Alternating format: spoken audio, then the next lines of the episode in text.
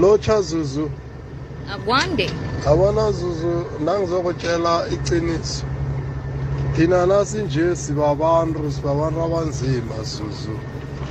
And sinamasiko ekoste siwalandrele and sinokuzila ekoste sikuzilele. Sometimes nakuvela isifo efemelini or nakunento ethizeni eyenzekileko.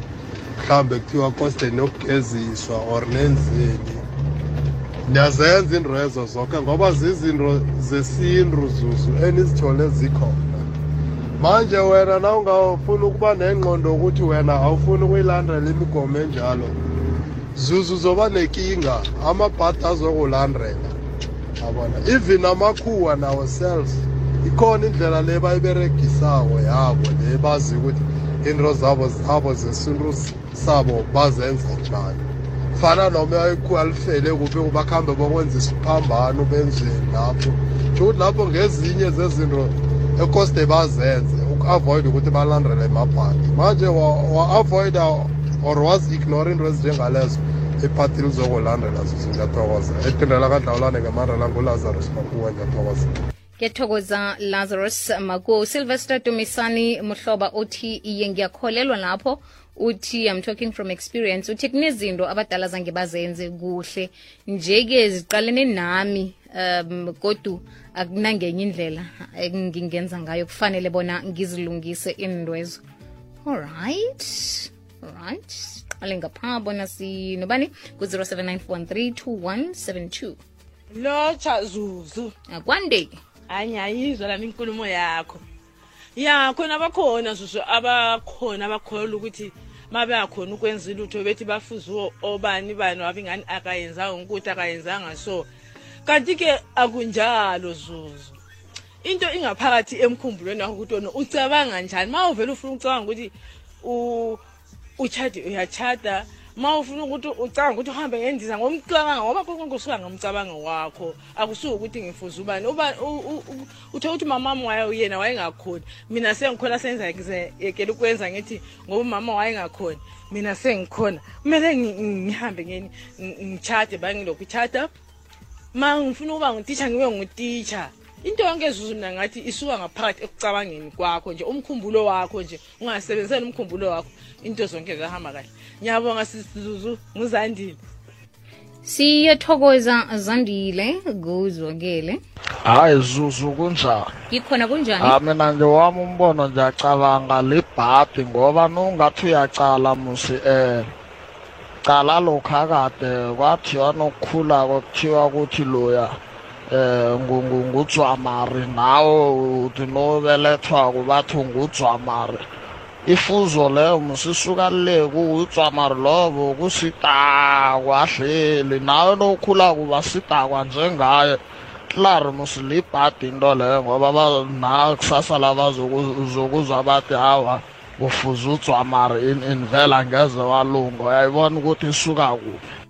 Oh, alright. Udora Nomvula D uthi mina eh angikholelwa kiyo. Siyaye sizikhwese ngezinto esikholela esikholelwa kizo ukuthi ukuthi siyazithuwelelisa. Mina emndeni nami ngihlale ngiyithandazisa into leyo. Nanje thina babelethi bethu bebanokuchayisana lapha nalapha kodwa ke thina inzukulwane sabambana zange siyingene indaba zabo. um ngikutshela namhlanje bazona komhlolo nasithandaza kufanele singakhohlwa ukuthandazisa imbopho zemndeni ethu kwekwezi fm kukhanya ba ngimnawe 9 to 12 nguzuzu. Akwande akwande zuzu. Akwande. Eh, ususimele okuhle esiqongolweni ngekwaha eh zuzu no ngiyakuzwa isihloko sakho. Eh mina ngiyakubona lokho. Eh kokhunye kuyenzeka kweminye yemindeni but awa thina vele nakubaba bakhula batlhaga. So kwakhula inkolo ezingekho. So ngizothi ngiyifunelani ikoloyi uyayibona ah ikolo ayisindo yethu. Kodwana siyakhona ukubona kweminye imindeni nakithi imndeni siyakhona ukubona ukuthi ezinye zezinto uyakhona ukuzijugulula ujani udazini. Lokhu abobaba bandlula kikho ukubudisa. Mina akubudisa ngifuna ukungibamba uyakhona ukukujuguluka lokhu uphile enye impilo ebhedere ungidlula impilo ephile bobaba nabobamkhulu. So angiboni ukuthi umuntu angazibambezela ngalokho abe nomkhumbulo omumbi ukuthi hawa kodwa ekhaya kwakhula kuthakhwa so nami vele ngizokuhlaga nabantu bami bazokuhlaga eh libhudango elimbi lelo. So nasibabantu asisikimeni senze sibone ukuthi senza njani. Ngiyathokoza um kamnane ngiyathokoza ucolin ndala uthi um kinga ofake namavesi lapha. Uthi kinga kukuthi sizalelwe esonweni kubaroma 5 verse 12 nokuthi izwe namkhake iphasi iphaseli womumbi 1 john 5 verse 19 kwekwezi fm kukhanya ba uh, ke sizwe-ke ngapha. Lotsha zuzu. Akwande. Zuzu khuluma nomaseko. Siyathokoza. Zuzu ibhat lona likhona. Mhm. Mara into le yokuthi ekhaya azange kube nodokotera azange kube nomuntu oberega kuhle ayi ayikho into leyo. Net leyo ibangelwa ukuthi into esiyibeka emcondweni wethu kuyogcina kuphumelela yona zuzu. Nento esiyikhulumako ngom- ngomlomo wethu kuyokuphumelela yona zuzu. But na ubereka ngamandla ah zuzu uyahluka ekhenu uyahluka nasemndenini we- wekhenu. Ngaphandle kokuthi ekhaya bekungekho umuntu oso ngiyathokoza zuzu khuluma nomaseko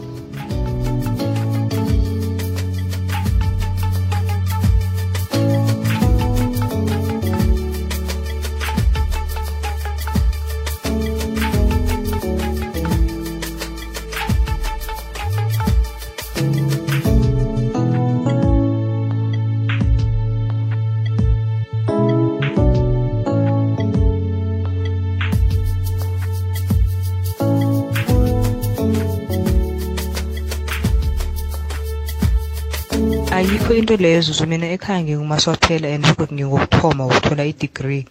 Sekuthi uzimisele uzitshele ukuthi nakuyi-generational case kunento i-generational case ngiyayibreaka zuzu ayikho into enjalo akunakuspecial but nawuzimisele kuzimisele ingathoma ngawo ungawenza umehluko ungawenza umlando kheni siyathokoza kuzokele ilithumi nambili mzuzu ngaphambi kwesimbi yethumi nanye ikwekwezi fm kokhanya ba ngimnawe nozuzu sikhambisana nocebi zungu njenganje uyi-life coach ne-motivational speaker. Sesicebi uvukile? Hayi ngivukile zuzu. Ngiyathemba ukuthi nivukile naba- nabalaleli emakhaya. Sivuke kamnandi siyathokoza sesicebi mm. nasindaba godu e- e- ethinda i- imindeni yethu esithindako sibabantu njengobana-ke kuyi-family meeting ngalesi sikhathi. Sikhuluma ngokuba um singathi libhadi emndenini. Nangekukuthi intwehle zangekhe yenzeke ayikazi ukuthoma ngami ekhaya. Kunamuntu okhe wafunda waba nedigri kilo muzi ayikazi ukuthoma ngawe. Um i- i- isengqondweni namkha ikhona mbala iyenzeka into le? Eyi zuzu sikhuluma nge-topic ebaluleke kakhulu ngoba le topic okhuluma ngayo i- i- i- i- ithinta izithinte nalezi zinto esizibiza ngokuthi ama-limiting beliefs. Hmm. Kusho ukuthi izinto esikholelwa kuzona eh ezigcina empilweni zisivimbela ekutheni siphumelele siye phambili. Mhlawumbe uma ngingake ngithi ngiyaqala nje ngiyayichaza or ngiyayidefine i-generational curse or i-generational cycle singasho ukuthi izinto ezithizeni noma i-pattern ethile kwifamily okuba sengazi ukuthi iyenzeka generation after generation. Okuthi mhlambe sicabanga ukuthi ngoba yenzeka kugogo yenzeka komkhulu seyenzeka nakumama kusho ukuthi iwukhondolo eh eh okuwukuthi into eyohlala njalo njalo iqhubeka iy'nkolelo zethu zisenza ukuthi zibhilivele kulokho. Kodwa njengoba kadesho umlaleli besikhuluma ngawe ethi ayikho kahle kahle into ebizwa ngokuthi i-generational curse or i-generational cycle ngoba umehluko ungenziwa uwena. Kodwa ngizoke ngiqale abalaleli bakhaya ngibachazele zuzu ukuthi kumele sikhumbule ukuthi yonke into esiyenzayo singabantu kusho ukuthi ama-actions nezinto esikhona ukuthi zizenze sizenza ngoba zisuka ephathini yomqondo wethu obizwa ngokuthi i-subconscious mind. Eh okuwukuthi uma umntwana between iminyaka ka-zero zero iminyaka ewu-six ubheka yonke into eyenzeka ekhaya. Abheka abazali ukuthi bayayi-approve bayayithanda noma abayithandi. So lama beliefs lawo aqala lapho. Uma yikho isikhathi esiningi sijwayele ukutshela abazali ukuthi kunezinto okungamelanga sijwayele ukuthi sizisho kubantwana. Eh ngingathi mhlawumbe izinto ezinhle esiziplanta emqondweni yabantwana ukuthi ungantshontshi ungagangi ungakwenzi ukuthi nokuthi kodwa kuyenzeka-ke bese uthola ukuthi kunezinto esihlale sizikhuluma sithi mhlawumbe kubantwana besakhula awu angeke uyokwenzani esikoleni? Ngeke uze ufunda kepha umuntu owake wafunda la ekhaya. Mm, mm. awu ngeke uze ube nemali. Nosibani bani wahamba wayofunda wathola i-degree akaze aze asebenze uzoba yini wena Yeah. ngoba ubaba wakho nomkhulu bakho babe yizidakwa? Ama-limiting beliefs. That is why sihlezi masikhuluma nabantu sithi kumele ukuthi yonke into oyenzayo noyikhulumayo kubantwana bakho noyikhulumayo wena emqondweni yakho wazi ukuthi igama negama olikhiphayo unisela isitshalo. You are watering a seed. Sesicebi ezokhula. Yebo. usatsho njalo ngiba wasithengise bese siyabuya. Okay ngiyabonga. Sesicebi ungaragela phambili. Em yebo Zuzu. Bengisakhuluma ngakho lokho ukuthi izinto esizitshala emiqondweni yabantwana. Bese kuba nezinye mhlambe ezithanda ukuba inkinga kakhulu ngizonikeza umzekelo wokuthi uma umuntu eh e- e- ezalele ekhaya lapho ekhule emndenini lapho ubaba nomama behlezi beshayana khona.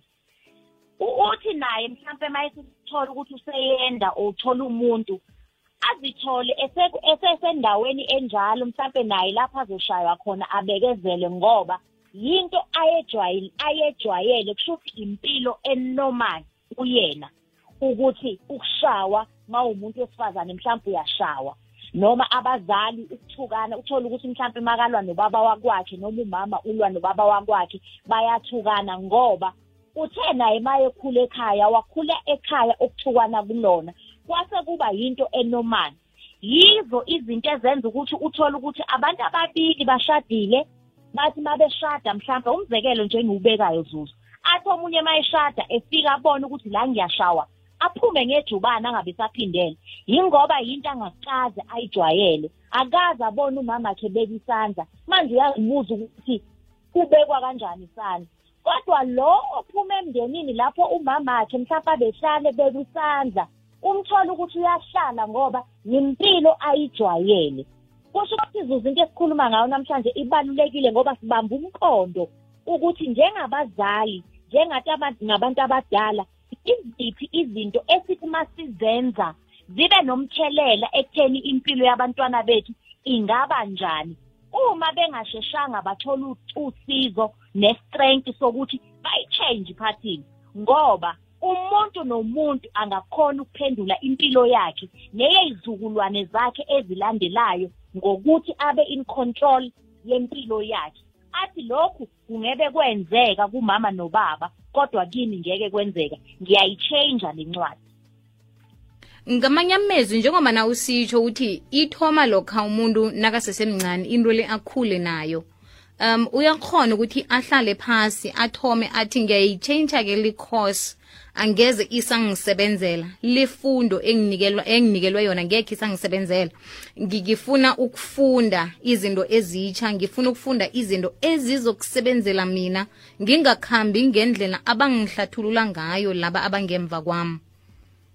Yebo zuzu injalo ngoba kumele wonke umuntu azi akufake engqondweni yakhe yokuthi noma yini ofuna ukuthi ube yiyona. Empilweni yakho ungaba yiyo. As long as ususesitejini sokuthi uzokhona ukuthi uchange impilo yakho. And into esibulalayo kakhulu thina zuzu intsha yanamhlanje sithanda ukublame abazali. Uthola ukuthi umuntu noma ephuza utshwala eyisidakwa noma enza izinto ezingalunganga athi ngoba mina ngakhuliswa ubaba owayephuza utshwala adakwe. Hmm. akhohlwe ukuthi empilweni yakho akuyona into eyenzakalayo empilweni yakho nakubantu abaseduze kwakho ezokwenza ukuthi uye phambili nempilo na? Yizinqumo zuzu ozithathayo ngaleso sikhathi. Mabahumusha ngesilungu bathi circumstances predict but you are the one who will master your destiny. Kusho ukuthi okwenzakalayo kuyenzakala kodwa ekugcineni umuntu ozokhona ukuthi adetermine ukuthi impilo yakhe izoya kuphi nguwe ngoba akuzona izimo onazo ezibalulekile but izinqumo ozithathayo ukuthi le yokuthi ngingavuka ekuseni ngiyophuza utshwala ngibuye ntambama ngivuke ngiyophuza utshwala angeke ngiyikhone mina ngizoqala yami bese uyayiqala yakho vele. Alright. So ngamamezwi sesicebisa izithwesa umthwalo thina ngezinto esingazi bona um zabangelwa yini. Into ithi iyimbi ngiyamukele njengomana injalo. Ngingayihlaleli phasi ngiyiqale bona um ibe yinkinga isikhathi eside kangaka. Mina ngingayilungisa njani? Mhlambe isisombululo siphethwe ngimi.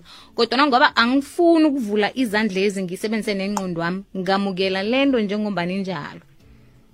Yebo zuzu ngoba inkinga ekhona ukuthi kumnandi uma uwumuntu ukuzibona engathi uyi-victim mm. eh ngoba uma uyi-victim kusho ukuthi nje u-helpless uyolokhu wakhala uthi eyi ngoba obabamkhulu benza ukuthi ngoba ogogo benza ubuthi kodwa uma udecide ukuthi ngiyashintsha Mm. kusho ukuthi umthwalo usukuwe ngoba kusho ukuthi usuku nosuku kumele usebenze ekutheni uyayiguqula impilo yakho so abantu abaningi abafuni ukuhlangana nezingqinamba ohlangana nazo mawuthi ushintsha impilo. Kuba lula ukuthi umuntu avese agive up ngoba uma kumele uye empumelelweni kumele ukuthi usebenze zuzu impilo angeke izibe lula.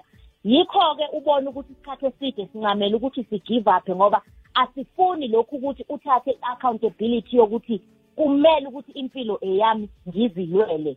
Kulula ukuthi ngivese ngikhale every day. Kunokuthi ngisukume ngithi lokhu ngiyakushintsha. Ngezwakala sesicebi uzwakele sithokoza kakhulu umbono wakho nesikhathi sakho. Namhlanje sike besikhuluma ngamabhadi. Na ungathi uyayiqalisisa into le ikhamba ifike nalapha isuka nalithi likhulumisa lithi awa-ke. Mina ngifuna abafazi abaningi ngoba obamkhulu bekanabafazi abane ngabasithandathu na uthi uthi uthi uyamchala ayi ayi ya no akuhlangani. Sengitsho nalo wokuthoma ukuthi angaba khona kakafiki lapho. Akazi ukuthi kwafika njani lapho abamkhulu abakhona naboma abaningi akazi nokuthi bekajame njani ngokomnotho. Njena uthi uyaqala isikhathi esiphila kiso kubudisi. Kubudisi ukuthi ngi- ngizitsheje mina ngedwa ngizihlogomele mina ngedwa. Alona sele sibaningi ya uyayibona-ke into enjalo. Ukuthi siyathanda nje ukusukela izinto sithi amabhadi. Khumbula zuzu uma ngithi yibhadi kusho ukuthi angisekho accountable ngoba yibhadi. Uyabona? So Mhm. yikho sithanda ukuthi siblame izinto ezisemaceleni ukuthi hhayi ngoba ubaba wayenza ukuthi. Uma ubaba aye enza into wawungayithandi noma umama wayenza into engayithandi uvinjwa yini ukuthi uyichange na? Masizibuze lowo mqundu lo lowo mbuzo loyo. Yikho isikhathi esiningi abalaleli ngikuthanda ukubatshela emakhaya ukuthi emakhaya une-expiry date yokuthi ublame abazali. Angeke uthi uno-forty years uno-thirty-five years uno-fifty years nanamhlanje usathi angibanga yilokhu engiyikona ngoba umama wa. You usayidlula i-expiry date yokublame umzali. Isikhathi sesadlula kudala kunesikhathi lapho ukhulile ukuthi impilo yakho sewungayichange so noma imuphi umlaleli namhlanje osathi mina angikhonanga ukwenza ukuthi ngoba umama wa makahlale phansi azibheke ngoba ngesikhathi uba na-21 uthatha ipasi kwase kuwuqala kwempilo entsha ukuthi sewuzokwazi ukuthi izimele uzwakele sesicebi siyathokoza. Siyathokoza kakhulu zuzu